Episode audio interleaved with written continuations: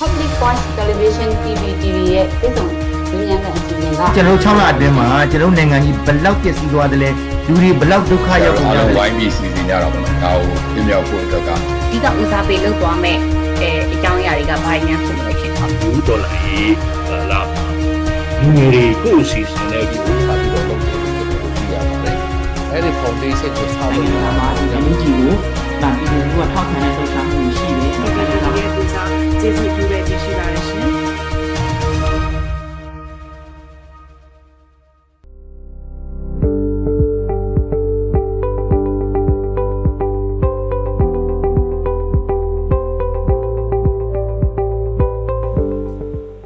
ကင်းနီပြည်နယ်မှာအချမ်းဘတ်ဆေးဆိုတာလက်နက်ကြီးတွေပြီးလေကြောင်းကနေပါတိုက်ခတ်မှုတွေလုပ်နေရကြောင်းဒေသခံအရက်သားပြည်သူတွေဟာအိုးအိမ်ဆုံးခွာပြီးထွက်ပြေးနေကြရပါတယ်။ လက်ရှိကင်းနီပြည်နယ်ရဲ့တိုက်ပွဲအခြေအနေနဲ့ပတ်သက်ပြီးတော့ကင်းနီအမျိုးသားတိုးတက်ရေးပါတီ KNPP ရဲ့ဗဟိုကော်မတီဝင်ကင်းနီပြည်နယ်အတိုင်းအမြကောင်စီ KSCC ရဲ့ပြောရေးဆိုခွင့်ရှိသူဦးအောင်စန်းမြင့်နဲ့တွေ့ဆုံမြင့်တော့မှာပဲဖြစ်ပါတယ်။ဆရာမင်္ဂလာပါရှင်။ဟုတ်ကဲ့အခုပထမဆုံးသိချင်တာကဒီ January 9ရက်တည်းကစခဲ့တဲ့တိုက်ပွဲကြောင့်အခုဆိုရင်တိုက်ပွဲက၄ရက်ဆက်တိုက်ဖြစ်နေပေါ့နော်ပြီးတော့ပြည်နယ်တစ်ခုလုံးအတိုင်းအတာနဲ့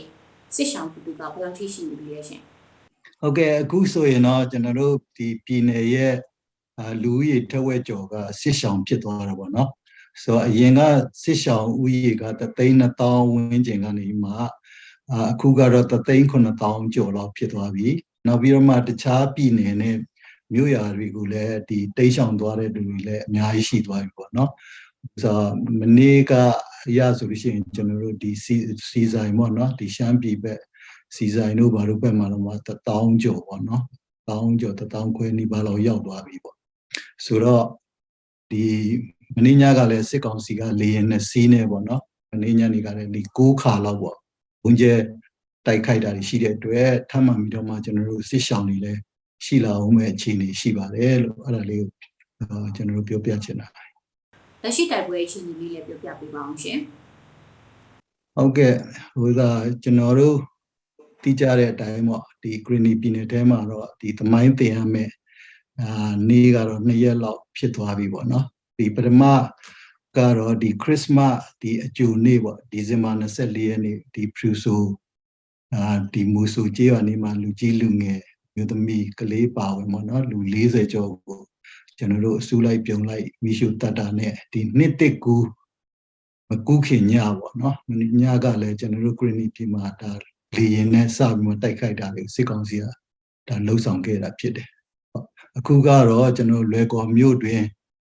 ထဲမှာကိုတိုက်ပွဲတွေကပြင်းထန်နေတယ်ဒီမိုင်လုံးတို့ပန်ကန်တို့နောက်ရွာတန်းရှိတို့နောက်နောက်ပြီးမှဒီ9မိုင်6မိုင်နောက်ဒေါ်ကလိုက်လင်းပေါ့နော်ဘတ်လင်းဒီမော့ဆိုကွင်နဲ့ကျွန်တော်တို့ရှားတော့ကွင်နေဖြစ်တဲ့ဒေါ်တရှိတို့ဒေါ်ပူစီတို့နောက်ပြီးမှကျွန်တော်တို့ဒီလွယ်ကော်ဘက်တွေပေါ့ဗောနော်ပါဝင် နေမြေအများကြီးမှာပေါ့ကျွန်တော်တို့တပတ်အတွင်းကတော့တိုက်ပွဲဒီတပတ်အတွင်းပေါ့နော်ဒီတိုက်ပွဲကတော့အာ30ကျော်လောက်ဖြစ်သွားခဲ့ပြီနောက်လေရင်နဲ့ဘုံကျဲတိုက်ခိုက်မှုကလည်းမနေ့ကတော့မှကျွန်တော်တို့ခါလောက်တိုက်တယ်ဆိုတော့ဒီအကြိမ်ကြီး20ထက်မနည်းပေါ့နော်ရှိသွားပါပြီလို့ခုကတော့တိုက်ပွဲတွေကဒီနေ့စဉ်နဲ့အမျှပေါ့ကျွန်တော်တို့အချိန်မရွေးနေရာမရွေးဖြစ်နေတာရှိတယ်အာစစ်ကောင်စီကတော့တိုက်ပွဲတိုင်းမှာအကြဆုံးတွေများတာကျွန်တော်တို့တွေ့ရပါတယ်။ ဒါကလည်းကျွန်တော်တို့ဒီစစ်ဗျူဟာရပြောမယ်ဆိုလို့ရှိရင်ကျွန်တော်တို့ကနေမီခံနေဖြစ်တဲ့စစ်ကောင်စီတပ်တွေကဒီတခြားဒေသကတပ်တွေပြည်နယ်တွေကိုတွင်းလာပြီးတော့မှစီရေးကောင်တွေပေါ်တဲ့အတွက်ကျွန်တော်တို့ကဒီစီရေးဘက်မှာပေါ့နော်တပန်းသာတာဖြစ်ပါတယ်။နောက်တစ်ခုကကျွန်တော်တို့နဲ့သူတို့နဲ့ကြွာတာကသူတို့ကပြောမယ်ဆိုရင်တော့ဒါအခကြေးငွေနဲ့ဒါလစာယူပြီးကြေးစားတက်ဖြစ်တယ်ပေါ့နော်ကျွန်တော်တို့ကတော့ အာကိုမျိုးနဲ့ကိုပြည်နယ်အတွက်မတရားမှုကိုကျွန်တော်တွန်းလှန်တယ်အဲကြောင့်မလို့ကျွန်တော်တို့ရှိမှာကဒီ motivation ပေါ့နော်ဒီနာကြီးစိတ်တွေရှိတယ်နောက်ပြီးဒီမတရားမှုတွေအတွက်နာကြီးစိတ်တွေရှိတယ်နောက်ဒီအမျိုးသားတန်းတူရေးတရားမျှတရေးဒါကိုယ်ပိုင်ပြဋ္ဌာန်းခွင့်ကိုလိုလားတဲ့ဒီ federal တိဆောက်လို့တဲ့စိတ်ဓာတ်ကလည်းသူတို့တဲ့ပြင်းထန်တဲ့အချက်တွေဒါတွေကကျွန်တော်တို့တိုက်ပွဲတွေကိုအောင်မြင်ဖို့အတွက်အာ တွန်းပို့တဲ့အကြောင်းအရာတွေဖြစ်တယ်ပေါ့နော်တိုက်ပွဲတွေရဲ့ဥစားပေါ့ကျွန်တော်တို့ဒီသဘောတရားအရာပေါ့နော်ဒီဒါပေါ့ပန်းနိုင်ကိုရောက်ဖို့ကတော့ပေးစမ်းမှုကတော့အနေငယ်ရှိမှဖြစ်တယ်အာကျွန်တော်တို့ဘက်ကလည်းဒီလိုပေးစားတာတွေရှိပါတယ်ဆိုတော့ဒါပေါ့နော်တိုက်ပွဲမှာတန်ရတာကြာဆုံးတာတော့ရှိပါတယ်ဒါပေမဲ့သူတို့ဘက်ကတော့ပုံများပါတယ်ဆိုတော့ဘယ်လိုဖြစ်နေပါစေကျွန်တော်တို့ဒီဥစားပေါ့ဟိုကျွန်တော်တို့ပြည်နယ်ကိုကျွန်တော်တို့ထိန်းထားဘူးပေါ့နော် ထိန်းထားဖို့ကတော့ကျွန်တော်တို့ဒီအာဘယ်လိုပြောမလဲလက်တကန်းလောက်ပဲပါတယ်လို့အဲအဲ့ဒါလေးကိုကျွန်တော်ပြောချင်ပါဟုတ်ကဲ့အခုလိုမျိုးဒီ right call လိုမျိုးကြီးတွေပေါ်တော့မှဒီလက်နက်ကြီးတွေပြင်တိုက်လေကြီးတွေတုံးပြီးတော့အချမ်းဘတ်စီအိုစုရဲ့ကျန်းဖန်နေတဲ့လောက်ရအပေါ်ကိုရောဘယ်လိုမျိုးမှတ်ချက်ပေးခြင်းလဲရှင်ကျွန်တော်စစ်ကောင်စီကကျွန်တော်တို့လွယ်ကော်မြို့တော်အပါဝင်ပေါ့နော်ဒီ Granny data အတီးတီးမှာပေါ့လက်နက်ကြီးတွေနောက်အမြောက်တွေနောက်တိုက်လေရင်တွေပါအသုံးပြုပြီးမှတိုက်ခိုက်နေတာဟာ ကျွန်တော်တို့ဒီတိုင်းသူပြည်သားတွေနဲ့လူထုအပေါ်မှာပေါ့နော်အာနာရှင်တွေရဲ့လောက်ရက်ကိုဒါပေါ်ပေါ်ထင်ထင်ဆောင်ရွက်ပြတာပဲဖြစ်တယ်ပေါ့နော်ဟုတ်ဆိုတော့ကျွန်တော်တို့အာတဘောကတော့သူတို့ကအာနာရှင်ဆန်ဆန်ပေါ့မင်းတို့ငါတို့အချိန်မီစီရင်နိုင်တယ်မင်းတို့အသက်မင်းတို့ဘဝငါတို့လက်ထဲမှာရှိတယ်ဆိုတာကိုပြချင်တာဖြစ်တယ်ဒါမဲ့လည်းဒီနေ့ဒီချိန်ကကသူတို့ထင်တယ်လို့တော့ ပြည်သူလူထုကခေါင်းငုတ်ခံမဲ့အချိန်မဟုတ်တော့ဘူးဒါကိုကျွန်တော်တို့ပြည်သူလူထုတရက်လုံးကအာနာရှင်စနစ်ရဲ့လက်အောက်မှာအသက်ဆက်ရှင်ပြီးနေမလားစနစ်တစ်ခုကိုမြေလှန်ပစ်မလားဆိုတဲ့ခံယူချက်ဆုံးဖြတ်ချက်ကိုသူတို့ဒီလိုရဲဆက်ဆက်လုပ်ပြတာတွေကပိုပြီးမှခိုင်မာသွားစေတယ်လို့ကျွန်တော်ကတော့မြင်တယ်နောက်တစ်ခုကကျွန်တော်နိုင်ငံရေးအရာပေါ့ကျွန်တော်တို့သွားချင်နေတဲ့ Federal Democracy ပြည်အောင်စုအတွင်းမှာဆိုလူမျိုးတိုင်းတန်းတူရေး တန်းတူရေးပေါ့နော်တရားမျှတရေးနဲ့ဒီကိုယ်ပိုင်ပြဋ္ဌာန်းခွင့်ရရှိရေးကိုအာဏာမခွဲပေးခြင်းဘူးဆိုတာကိုဆရာနာရှင်ကဒါလက်တွေ့ပြတာပဲဖြစ်တယ်ခုဆိုရင်ကျွန်တော်တို့လွယ်ကော်လို့ပေါ့နော်ပြည်နယ်ရဲ့မြို့တော်တွေပေါ်မှာတော့မှလက်နဲ့ကြီးတွေတုံးပြီးတိုက်တဲ့အပြင်တိုက်လေရင်နေနေပေါ့နော် PRP တိုက်နေတာတွေဟာကျွန်တော်တို့ကတော့ဒါလူသားမျိုးနဲ့စုဆိုင်ရာရာဇဝတ်မှုကိုကျူးလွန်တာတွေမကဘူးဒါလူမျိုးသုံးတပ်ဖြတ်မှုတွေကို ဆောင်ရွက်နေတာဖြစ်တယ်လို့ကျွန်တော်ကတော့အဲ့လိုမှတ်ချက်ပြုတယ်နောက်ပြီးမှကျွန်တော်တို့လူသားတဦးချင်းစီရဲ့အသက်ရှင်ပိုင်ခွင့်ခွင့်ရည်နဲ့လူမျိုးတစ်မျိုးချင်းတိုင်းရဲ့ရပိုင်ခွင့်ခွင့်ရည်တွေကိုနှစ်ပေါင်း80ကျော်ပေါ့နော်ပေါ်ပေါ်ထင်ထင်သူတို့ချိုးဖောက်နေတာလို့နော်ဒါကိုကျွန်တော်တို့ကတရားမျှတမှုနဲ့အမှန်တရားအတွက်ပေါ့နော်ကျွန်တော်တို့စစ်ကောင်စီကိုအေးအေးယူဆောင်ရွက်နိုင်အောင်တော့ကျွန်တော်တို့အားလုံးကဝိုင်းဝန်းဆောင်ရွက်ကြဖို့လိုအပ်မယ်လို့ထင်ပါတယ်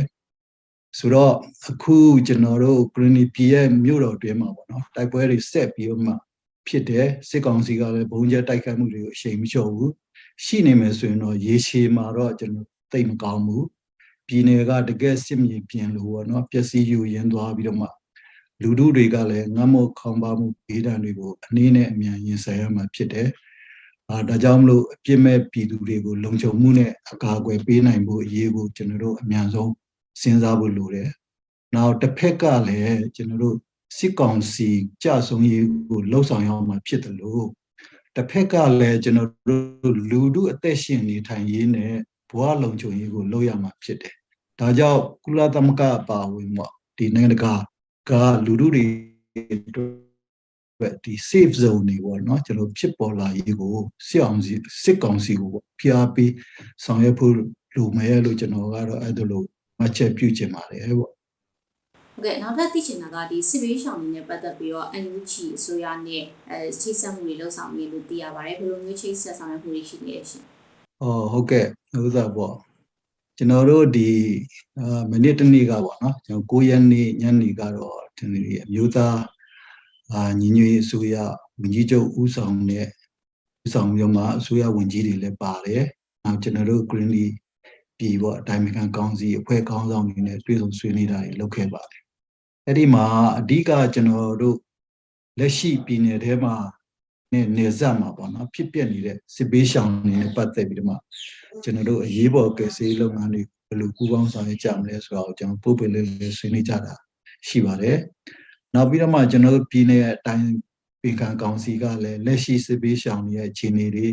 တိုက်ပွဲအခြေအနေတွေကိုအသေးစိတ်ကျွန်တော်ရှင်းလင်းချပြတယ်။ နောက်ပြည်နယ်ရဲ့လိုအပ်ချက်တွေပေါ့နော်ဒါကိုလည်းတင်ပြခဲ့တာရှိပါတယ်။နောက်အမျိုးသားညီညွတ်ရေးအစိုးရဘက်ကလည်းကျွန်တော်တို့အတတ်နိုင်ဆုံးပေါ့ဝက်ချက်တွေကိုဖြည့်ဆည်းသွားပြီးနဲ့ပေါင်းဆောင်ရွက်သွားကြဖို့ပေါ့နော်ဒါတွေဆွေးနွေးခဲ့တာရှိတယ်အဲ့ဒီနေ့ကတော့ကျွန်တော်တို့ပညာရေးအဲကျန်းမာရေးဝန်ကြီးလူသားချင်းစာနာထောက်ထားရေးနဲ့ပြည်အနေဆိုင်ရာစီမံခန့်ခွဲရေးဝန်ကြီးနောက်မှဒါပြည်ထရေးဝန်ကြီးတွေပါတယ်နောက်ကာကွယ်ရေးနဲ့ ဤပညာနဲ့ဆက်သွယ်ရေးဝန်ကြီးတွေတက်ရောက်ပါတယ်တက်ရောက်ပြီးမှသူတို့ကလည်းဒီအခန်းကဏ္ဍအလိုက်ပေါ့ပြည်내အတိုင်းအမြကောင်စုနဲ့ချိတ်ဆက်ဆောင်ရွက်သွားကြဖို့ဆိုပြီးမှအာဝန်ကြီးဌာနအနေနဲ့လေအဲဒါဆောင်ရွက်ပေးဖို့အစီအစဉ်တွေလည်းချပြသွားတာရှိပါတယ်ကျွန်တော်တို့အနေနဲ့ကတော့စစ်ပေးရှောင်တွေကပြည်내တိုင်းမှာပေါ့နော်ထပ်မံပေါ်ပေါက်လာပွဲရာတွေရှိတယ်ရှိတဲ့အတွက်စစ်ပေးရှောင်တွေအတွက်ကျွန်တော်တို့အသက်အန္တရာယ်လုံခြုံရေးနဲ့ ဒါချင်းစာနာထောက်ထားမှုဒီတွေကိုကျွန်တော်လုံလုံခြုံခြုံနဲ့ဆောင်ရွက်ပေးနိုင်မဲ့ safe zone တွေပေါ့နော်ဒေသတိုင်းမှာပေါ့တိဆောက်သွားနိုင်ဖို့ခုနကလည်းကျွန်တော်ပြောသလိုဒီနိုင်ငံတကာကို PR ပေါ့ပေးမဝိုင်းဝန်းဆောင်ရွက်ကြဖို့လိုအပ်တဲ့အကြောင်းကိုလည်းကျွန်တော်သေးစိတ်ဆွေးနွေးတယ်အခုကတော့ဒီစစ်ပေးရှောင်တွေကလေအိန္ဒိယနိုင်ငံတွေကလည်းဒုက္ခသည်အဖြစ်နဲ့လက်ခံမှုမရှိဘူးနောက်ပြည်နယ်အတွင်းမှာပဲနေရာတွေကိုအထက်ထခါခါပြောင်းရွှေ့ပြီးမှသူတို့ရဲ့ အာနေရတဲ့ခါကျတော့သူတို့ရဲ့ဘဝလုံခြုံမှုကလည်းမရှိဘူးနောက်ခုနကျွန်တော်ပြောသလိုဒီလူခွင့်ရင်းနဲ့ကြည့်မယ်ဆိုလို့ရှိရင်လည်းကျွန်တော်တို့ဒီ right to life ဆိုတဲ့ဒီအသက်ရှင်ပိုင်ခွင့်ခွင့်ရကမရှိတယ်လို့ရေးတကြီးလိုအပ်နေတာဖြစ်တယ်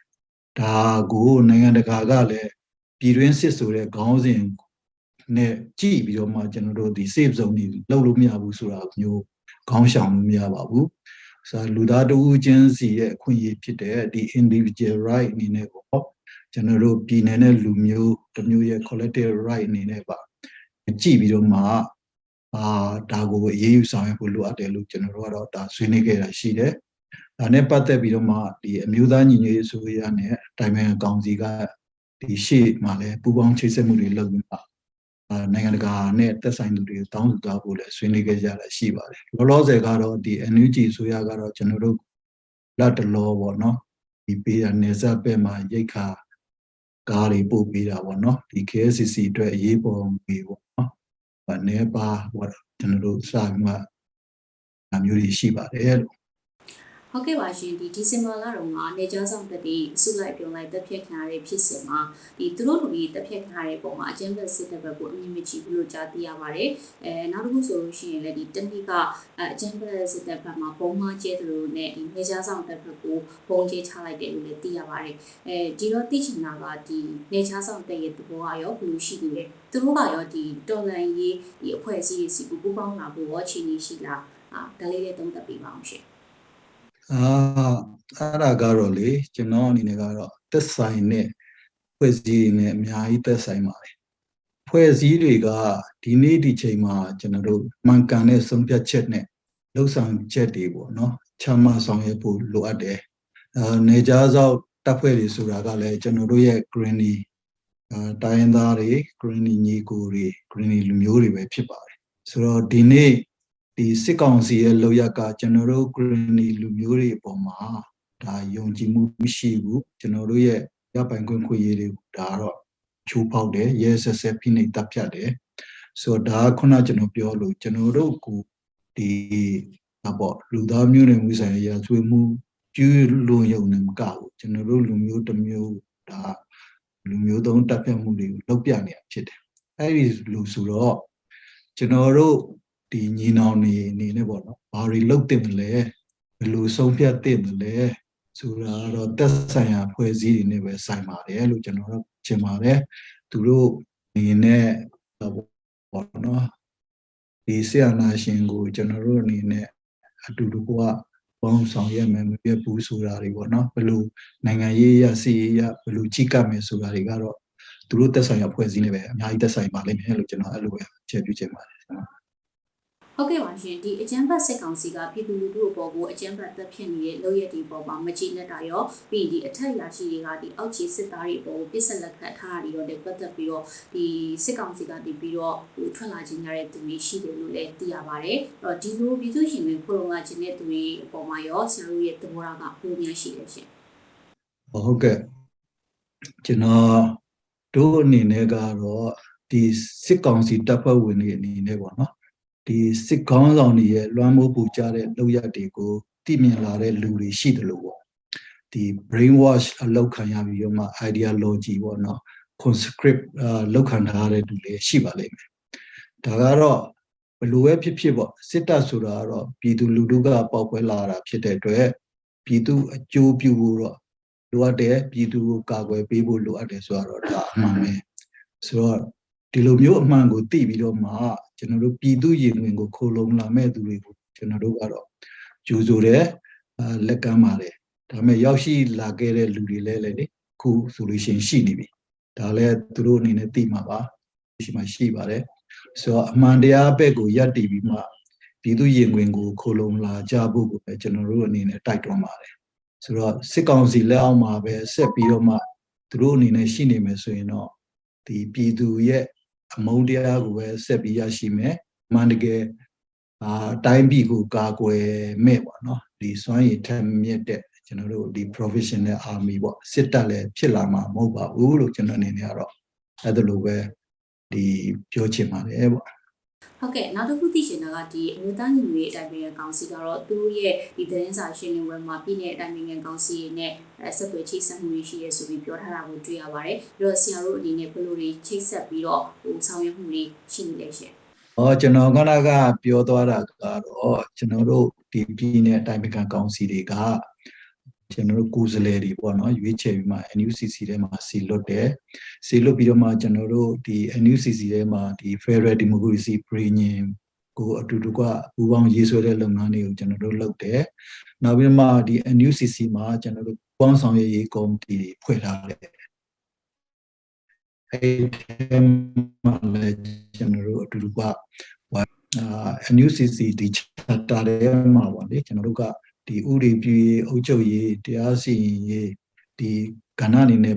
ဂျာကာလာအတွက်ပေါ့နော်ပြည်နယ်တွေနဲ့ပတ်သက်လာလို့ရှိရင်ညှိနှိုင်းဆောင်ရွက်တာတွေလည်းရှိပါတယ်။ညှိဆောင်ရွက်ပြီးမှရေးဆွဲတာပေါ့နော်။ဒါလေးရှိတယ်။အဓိကကတော့ကျွန်တော်ခုနပြောလိုက်တာကဒီ NUCC နဲ့လည်းကျွန်တော်ပြရှိတယ်။အဓိကကပညာရေး၊ကျန်းမာရေး၊နောက်အုပ်ချုပ်ရေးကာကွယ်ရေးနောက်လူသားချင်းစာနာထောက်ထားမှုအခန်းကဏ္ဍအနေနဲ့ပတ်သက်လို့ရှိရင်ကျွန်တော်တို့အခန်းကဏ္ဍအလိုက်ပေါ့ ဒီတွေးဆုံဆွေးနွေးပွဲတွေကျင်းပတယ်ကျင်းပမှာကျွန်တော်တို့ညှိနှိုင်းဆွေးနွေးတာတွေလုပ်ပါတယ်လို့အဲ့ဒါလေး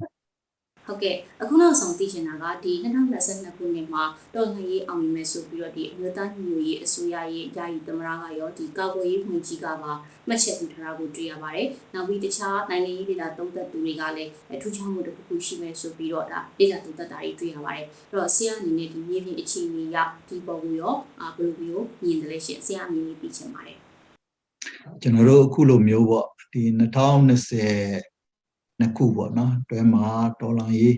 အောင်မြင်မယ်လို့ကျွန်တော်တို့မှတ်ချက်ပြုကြတာကတော့အဲကျွန်တော်တို့ revision ရတော့ကြကိုကောင်းပါတယ်ဒါပေမဲ့တကယ်လက်တွေ့အကောင့်တွေပေါ်ဆောင်ဖို့အများကြီးလူနေအောင်မလားလို့တော့ကျွန်တော်ရှင်းတယ်ဘာကြောင့်လဲဆိုလို့ရှိရင်တို့အားလုံးဟာဒီနေ့ Federal Democracy ပြည်အောင်စုတည်ဆောက်ဖို့ကြိုးပမ်းဆောင်ရွက်နေကြတာဖြစ်တယ် ဒါကြောင့် Federal စောက်ရေးမှာအတားအဆီးပေါ့အဖူတစ်ဖြစ်နေတဲ့ကျွန်တော်တို့အာဘုံရန်သူပေါ့အာနာသိန်းစစ်တပ်ကိုကျွန်တော်တို့ကအာတော်လန်တိုက်ခိုက်နေတာဖြစ်တယ်ဒါပေမဲ့အခုကျွန်တော်တို့ပြည်နယ်အားလုံးတိုင်းတိတိကဟန်ချက်ညီညီပေါ့နော်အကောင့်တွေပေါ်ကြပြီလားဆိုတဲ့မိကွန်းကကျွန်တော်တို့တွေ့ရှိတယ်ဒီကရဏီပေါ့နော်ချင်းအာစကိုင်းမကွေးတို့မှာဆိုအများဆုံးလူတို့တွေကမတရား တပ်ဖြတ်ခံနေရတယ်အာဒီအိုးအိမ်တွေလည်းအများဆုံးပျက်စီးကုန်တာပေါ့နော်ဆိုတော့ဒီတိုင်းပဲကျွန်တော်တို့ကရှေ့ဆက်ပြီးတော့မှတစ်ဖွဲ့တစ်မျိုးတယောက်တစ်မျိုးစီနိုင်ငံရေးဖြူဟာတွေချမှတ်မယ်နောက်ပြီးတော့တစ်မျိုးစီကောင်းတယ်ပေါ်ကြမယ်ဆိုရင်တော့ကျွန်တော်တို့အတွက်ကတော့နင့်နာဆုံးရှုံးမှုကတော့အကြီးကြီးဖြစ်တယ်ဆိုတော့ဆီယနာရှင်လက်အောက်မှာတရားဖိနှိပ်ခံခဲ့ရတာကျွန်တော်တို့နှစ်ပေါင်း80ကျော်ပါပြီဆိုတော့ ဒီ federal concept အရာဖြစ်တဲ့ကျွန်တော်စူပေါင်းကောင်းဆောင်မှုစူပေါင်းဆောင်ရွက်မှုဘုံဘောဓာချမှတ်ပြီးတော့မှကောင်းတယ်ပေါ်ကြဖို့လိုအပ်တယ်ဆိုတော့အဲ့ဒီဘုံသဘောထားချမှတ်ဖို့ platform ကလည်းဘယ်မှာလဲဆိုတာကိုကျွန်တော်အားလုံးကစဉ်းစားကြဖို့လိုပါလိမ့်မယ်ဆိုတော့တော်လန်ရေးအောင်မြင်ရင်တော့ federal democracy တည်ဆောက်နိုင်ရင်တော့ဒါလည်းငါတို့နဲ့ဆိုင်နေငါတို့အခွင့်အရေးပါပဲလို့ပြောကြမဲ့လူတွေကတော့အရင်ဆုံးပြောမဲ့လူတွေတော့ရှိလာမှာဖြစ်တယ် ဒါကြောင့်မလို့ကျွန်တော်အနေနဲ့မှတ်ချက်ပြောရရင်တော့သက်ဆိုင်သူအားလုံးကကျွန်တော်ဟန်ချက်ညီညီနဲ့နော်ဒီဆရာနာရှင်ကိုတွန်းလှန်ကြမယ်ဆိုလို့ရှိရင်တော့ကျွန်တော်2022ခုနှစ်ဟာဒေါ်လာရေးအောင်မြင်တဲ့နနှစ်ဖြစ်လာမှာဖြစ်ပါတယ်လို့ကျွန်တော်အနေနဲ့ကတော့အဲ့လိုလေးပဲတိုက်တွန်းမှတ်ချက်ပေးလို့ပါတယ်ဟုတ်ကဲ့ပါဆရာအခုလိုအချိန်ပေးပြီးတော့ဖြေချပေးတဲ့အတွက်ကျေးဇူးအများကြီးတင်ပါတယ်ဆရာရေတော်ဘုံ အောင်ရမည်